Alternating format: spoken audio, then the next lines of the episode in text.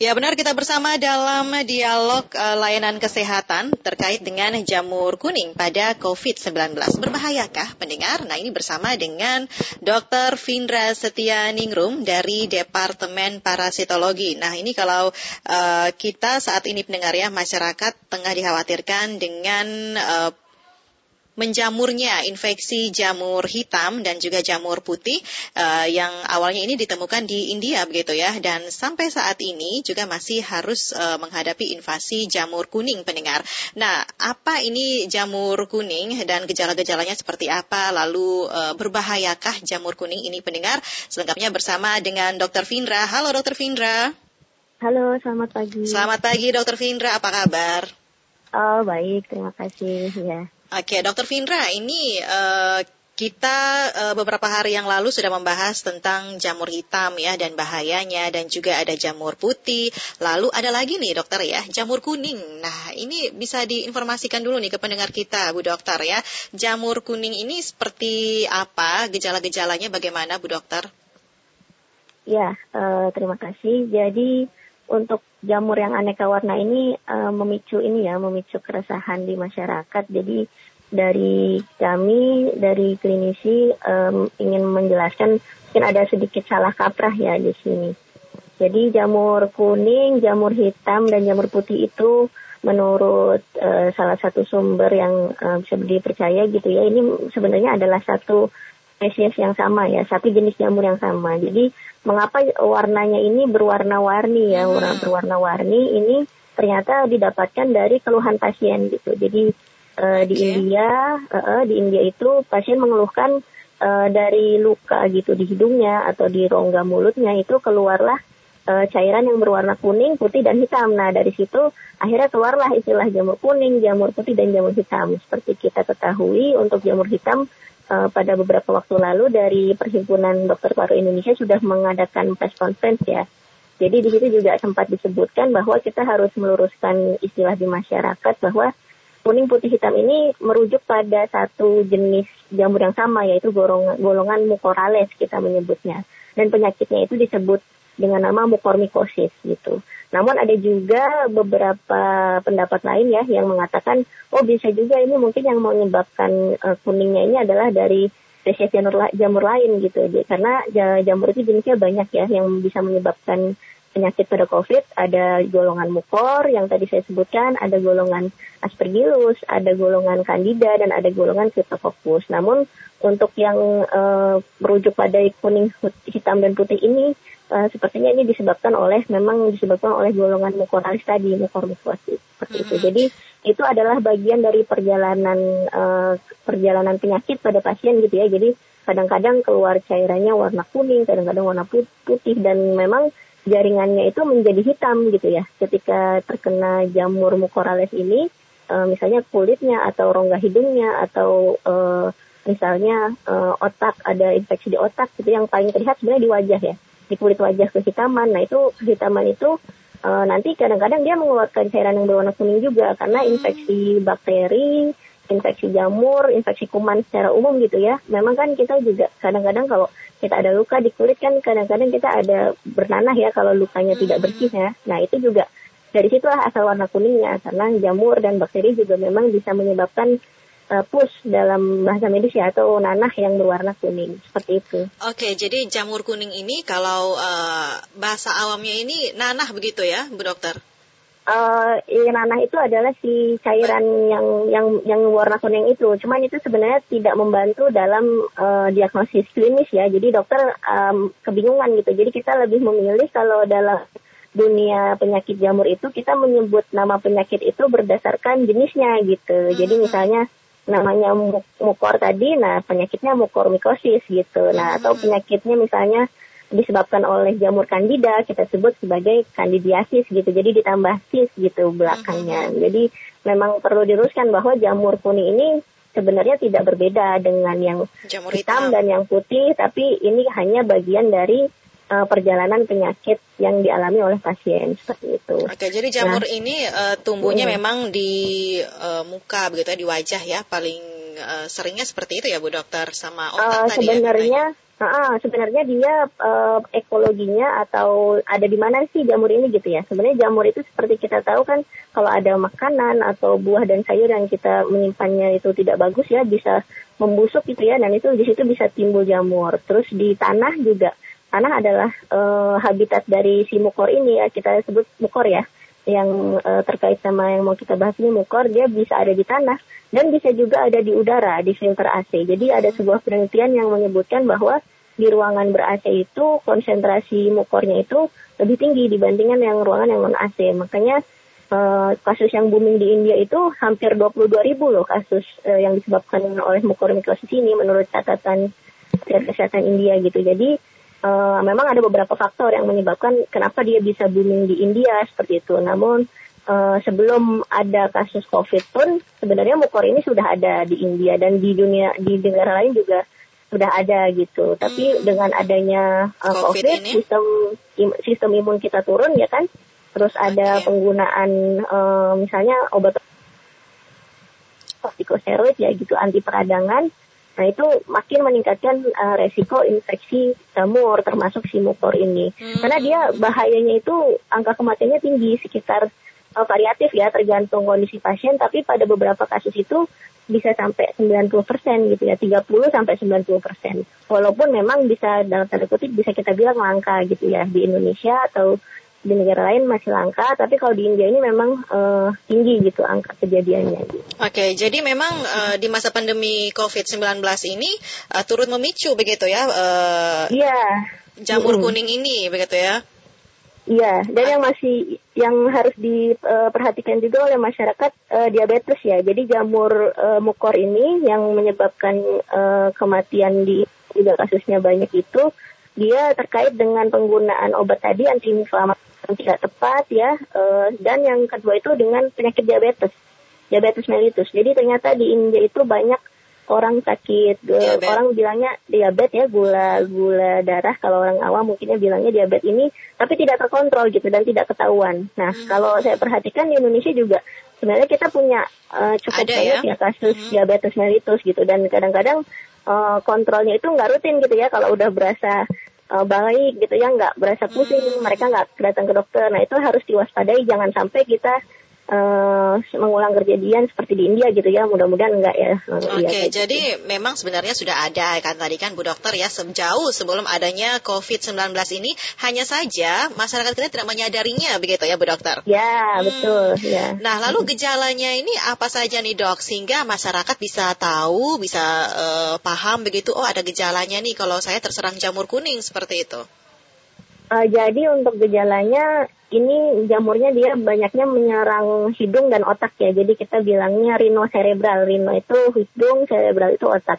Jadi bisa uh, pertama di rino cerebral, di hidung, di hidung dan otak. Yang kedua bisa di paru-paru karena dia kan dari udara ya. Jadi dia bisa tertelan gitu ya, uh, bisa terhirup uh, oleh hidung atau tertelan misalnya lewat makanan atau lewat luka. Hmm. Ini misalnya luka kita nggak bersih gitu ya ada misalnya luka bakar atau misalnya kita uh, sedang berkebun atau apa terus uh, tidak sengaja mungkin tergores apa gitu ya terus kita tidak membersihkan lukanya dengan baik nah itu bisa hmm. masuk ke situ gitu jamurnya gitu jadi tadi kembali lagi gejalanya apa kalau misalnya dia terhirup misalnya kan terhirup berarti kan lewat sistem pernafasan masuk ke hidung ya nanti biasanya dia uh, akan menimbulkan uh, infeksi di rongga hidung itu sendiri jadi nanti bisa ada gejalanya hidung tersumbat tapi cuma sebelah gitu. Misalnya tersumbatnya terus misalnya e, mata juga kadang-kadang ada misalnya penglihatan mulai kabur gitu. Dia bisa ke mata juga terus e, demam gitu ya. Kalau demam kan e, wajar ya seinfeksi biasanya ada demam. Terus e, biasanya ada ini nih yang khas adalah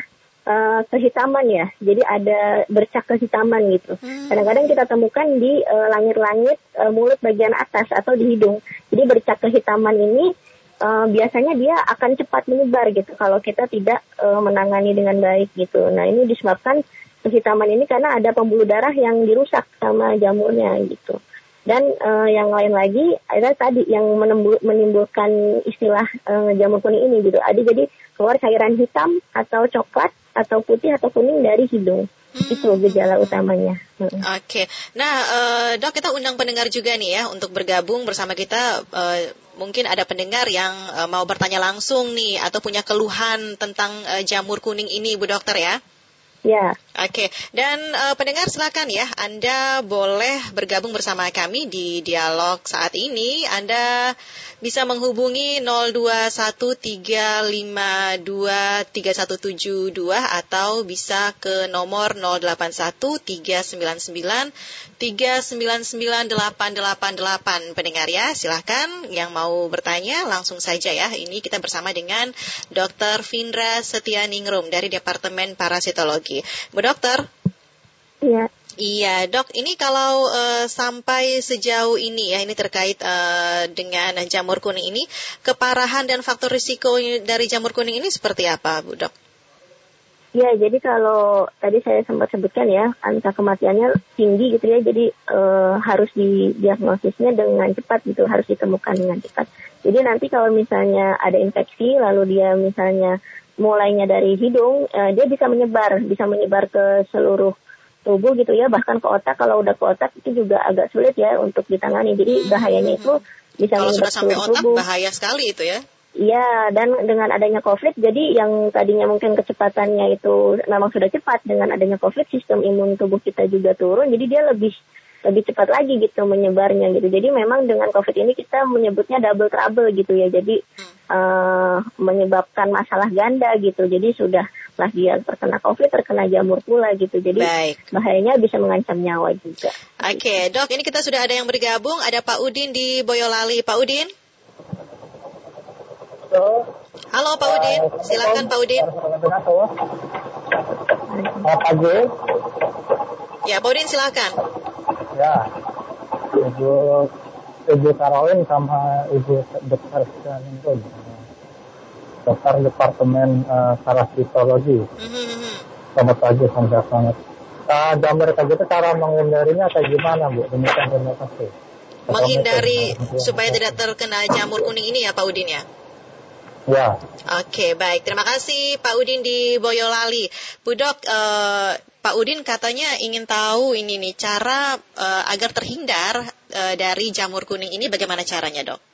Ya baik, terima kasih Pak Udin atas pertanyaannya. Jadi ada beberapa langkah ya yang sebenarnya bisa dilakukan oleh masyarakat. Tadi yang pertama, jika Anda adalah penderita diabetes, diabetes mellitus, maka harus e, melakukan kontrol gula darah secara berkala ya ke dokter karena e, jika itu gula darahnya tidak terkontrol, penyakit diabetesnya tidak terkontrol, nah itu akan e, mempertinggi resiko untuk terkena jamurnya gitu. Jadi harus melakukan kontrol penyakit diabetesnya. Yang kedua, e, ini juga cukup penting ini, jangan mengkonsumsi obat tanpa petunjuk dari dokter gitu ya, karena kan e, ini di masa covid ini orang e, mungkin sebagian besar juga panik ya, misalnya obat flu ya oke okay lah yang dibeli di warung itu uh, mungkin beberapa ya masih bisa lah yang yang obat memang sudah uh, oke okay untuk dijual luas ya. Tapi untuk obat-obat yang tadi saya bilang jenis kortikosteroid uh, misalnya dexamethasone atau apa nah itu uh, harus dengan petunjuk dokter. Karena itu dia uh, karena dia anti peradangan jadi memang kadang-kadang menimbulkan efeknya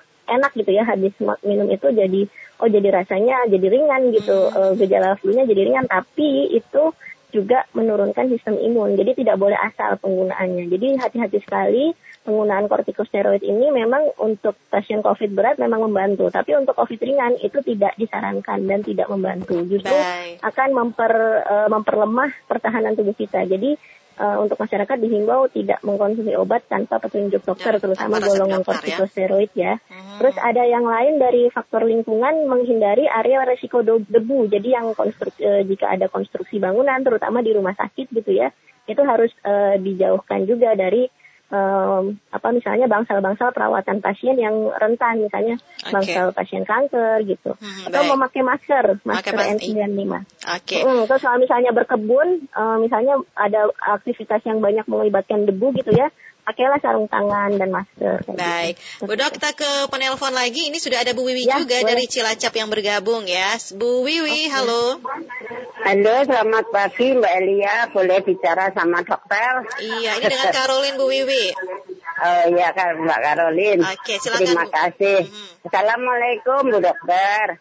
Waalaikumsalam Ibu Wiwi. Ah, gini Bu Dokter, saya mau tanya nih kalau yang namanya jerawat itu jamur apa bukan ya dok? Soalnya kok enggak hilang-hilang gitu loh lama dok. gimana itu supaya cepat hilang. Masalahnya bulan-bulan kok nggak hilang-hilang. Sudah berusaha dikasih obat, antibiotik tapi kok nggak bisa hilang itu dok. Oke, jerawatnya terlalu sayang sama Bu Wiwi kayaknya ya Bu ya. Oke Bu Wiwi terima kasih. Silakan Bu Dokter. Iya, kalau jerawat ini sebenarnya di luar ini ya, di luar kompetensi saya. Tapi uh, mungkin saya bisa bantu jawab kalau untuk jerawat penyebabnya macam-macam ya. Bisa memang karena ada penggunaan uh, zat-zat tertentu yang mungkin dia mengiritasi kulit ya, atau memang ada faktor hormonal gitu ya. Misalnya memang kalau misalnya usia remaja kan memang jerawatnya banyak atau ada faktor alergi, faktor infeksi juga mungkin ada orang dikira jerawat ternyata infeksi kulit gitu. Jadi saya sarankan hmm uh, untuk Bu Wiwi uh, periksa ke laboratorium mungkin ya kalau misalnya dengan antibiotik kok tidak membaik gitu. Mungkin perlu dilakukan pengambilan spesimen gitu. Karena memang ada juga sih jamur-jamur yang uh, dikira orang dikira masyarakat ini oh jerawat tadi tapi ternyata itu ada ada aspek jamurnya juga. Walaupun uh, ya mungkin kejadiannya nggak banyak gitu ya. Tapi saya sarankan uh, mungkin bisa berkonsultasi ke dokter misalnya dokter spesialis kulit dan diminta dilakukan pemeriksaan lab gitu ya Bu Wiwi ya jadi okay. mungkin diambil sedikit sampelnya gitu. Oke, okay. Bu Wiwi sudah ada solusinya ya Bu Wiwi ya. Baik, kita ke Pak Tohar juga nih Bu Dokter dari Manado, Pak Tohar. Halo Pak Tohar. Pak Tohar? Oke. Oke, bisa dicoba lagi ya Pak Tohar dan juga pendengar lainnya yang mau bergabung bersama kami. Silahkan di 021 384 4545 atau di 021 386 6712 dan di 021 352 3172 atau bisa langsung WhatsApp di nomor 081 399 399 888 ya. Tadi uh, sudah ada Pak Udin, ada Bu Wiwi juga ya dan ini Pak Tohar terputus. Nah, Bu Dokter. Ya. Oke, Bu Dokter ini uh, bisa uh, disampaikan ke pendengar kita, ke masyarakat juga. Uh, ini terkait dengan jamur kuning ini ya, biar masyarakat juga tidak resah begitu ya, uh, menganggap bahwa jamur kuning ini sebenarnya uh, tidak begitu bahaya kalau cepat diatasi. Silakan Bu Dokter. Ya, sebenarnya jamur kuning ini uh, bahaya Mbak Karolin. Nah, bahaya tapi uh, diagnosisnya ini yang kadang kita masih terlambat gitu ya. Jadi kita cepet-cepetan sama jamurnya, tapi e, karena dia susah kita deteksi ya, jadi begitu ketemu sudah parah gitu. Makanya tadi kalau sempat ada e, pendengar yang menanyakan tentang pencegahan, e, kalau misalnya ada gejala-gejala yang seperti itu, misalnya apalagi post COVID ya, jadi sudah sembuh sebenarnya dari COVID, tapi kok ada gejala lagi gitu, terutama yang tadi saya sebutkan ya, ada sumbatan di hidung, rasa tersumbat tapi cuma satu, hidungnya terus ada keluar cairan warna kuning, putih, dan apalagi ada bercak hitam. Misalnya di langit-langit mulut atau di sekitar mulut atau rongga hidung, nah itu uh, harus segera uh, saya sarankan kontrol ke dokter gitu. Karena kalau kita cepat menangkap dia, kita penanganannya mudah-mudahan bisa cepat gitu ya, nggak menyebar gitu. Jadi tidak hanya yang uh, masih sakit COVID, tapi post COVID. Jadi karena laporan beberapa penelitian itu justru uh, beberapa hari atau beberapa pekan setelah COVID itu sistem imun kita belum pulih, jadi masih harus waspada seperti itu. Baik. Ada Pak Ardi juga nih. Halo Pak Ardi dari Jayapura. Halo, assalamualaikum. Selamat Waalaikumsalam Pak Ardi. Silakan Pak Ardi, apa yang mau ditanyakan? Oh iya, iya. Saya mau nanya sama Bu Dokter ini ya. Iya, ya, silakan dok. Pak. Eh, iya, saya saya ini kan uh, tempat kerja saya kan di area banyak debunya. Terus uh, uh, saya sangat alergi dengan debu. Jadi kalau saya kena debu pasti pilek atau batuk begitu bersin-bersin. Terus saya kalau minum obat tuh minum ini uh, prednison, obat prednison dengan CTM itu langsung bisa pulih, bisa sembuh. Ya, saya mengonsumsinya itu kalau satu hari satu kali pas keadaan lagi flu atau batuk itu uh, apakah jangka panjangnya nggak nggak pengaruhi kesehatan saya? Gitu aja dok. Terima kasih. Selamat siang. Assalamualaikum. Waalaikumsalam. Terima kasih Pak Ardi. Ya silakan langsung dijawab Bu Dokter. Ya, sangat menarik sekali ya tadi uh, pertanyaan dari Pak Ardi dan sesuai dengan konteks yang tadi saya sebutkan. Jadi memang pada beberapa orang itu ada yang alergi debu ya. Jadi hmm. bersin-bersin kalau kena debu, apalagi mungkin faktor pekerjaan ya, ada pajanan dari tempat pekerjaan. Jadi saya sarankan untuk Pak Ardi memakai masker ya karena memang juga sekarang lagi pandemi jadi memakai masker terutama yang disarankan itu uh, N95 memang uh, ini ya yang paling bagus tapi kalau memang ini ya disesuaikan aja. Pokoknya yang penting pakai masker gitu ya disarankan N95 atau yang jenis lain. Uh, yang penting jangan sampai tanpa perlindungan gitu. Nah itu yang bisa dilakukan. Yang kedua yang obat prednison ini memang dia juga golongan tadi itu yang saya bilang uh, anti peradangan tapi di sisi lain seperti pisau bermata dua gitu ya, bisa membantu kita menyembuhkan penyakit, tapi juga bisa menurunkan sistem sistem imun kita sehingga COVID-nya itu lebih beresiko dan jamurnya juga ikut masuk gitu. Jadi saya sarankan untuk ke Pak Ardi tadi bisa uh, dikonsultasikan ke Pak ya ke dokter. Jadi bagaimana dosis yang tepatnya uh, penggunaannya dan uh, jangan uh, ini jangan mengkonsumsi dengan dosis sendiri gitu karena itu bahaya sekali gitu. Karena ada pasti ada ada batasnya Pak. Misalnya maksimal berapa miligram dan uh, berapa kali sehari dan itu tergantung dari nanti hasil pemeriksaannya terus hasil um, anamnesis atau keluhan bapak seperti apa nah itu bisa lebih detail nanti dikonsultasikan ke dokter ya pak saran saya seperti itu jadi jadi jangan mengkonsumsi obat dengan aturan sendiri Baik, Bu Dokter, terima kasih ya ini untuk penjelasan-penjelasannya tentang jamur kuning ya di masa pandemi COVID-19 ini. Mudah-mudahan masyarakat kita uh, semakin waspada lagi ya setelah mendengar informasi ini ya, Bu Dokter ya. Ya. Baik, terima kasih Bu Dokter. Selamat pagi, selamat bertugas kembali. Oke, sehat semua ya. Terima kasih. Ya, bersama dengan Dr. Vindra Setianingrum, pendengar dari Departemen Parasitologi. Bahayakah jamur kuning pada COVID-19?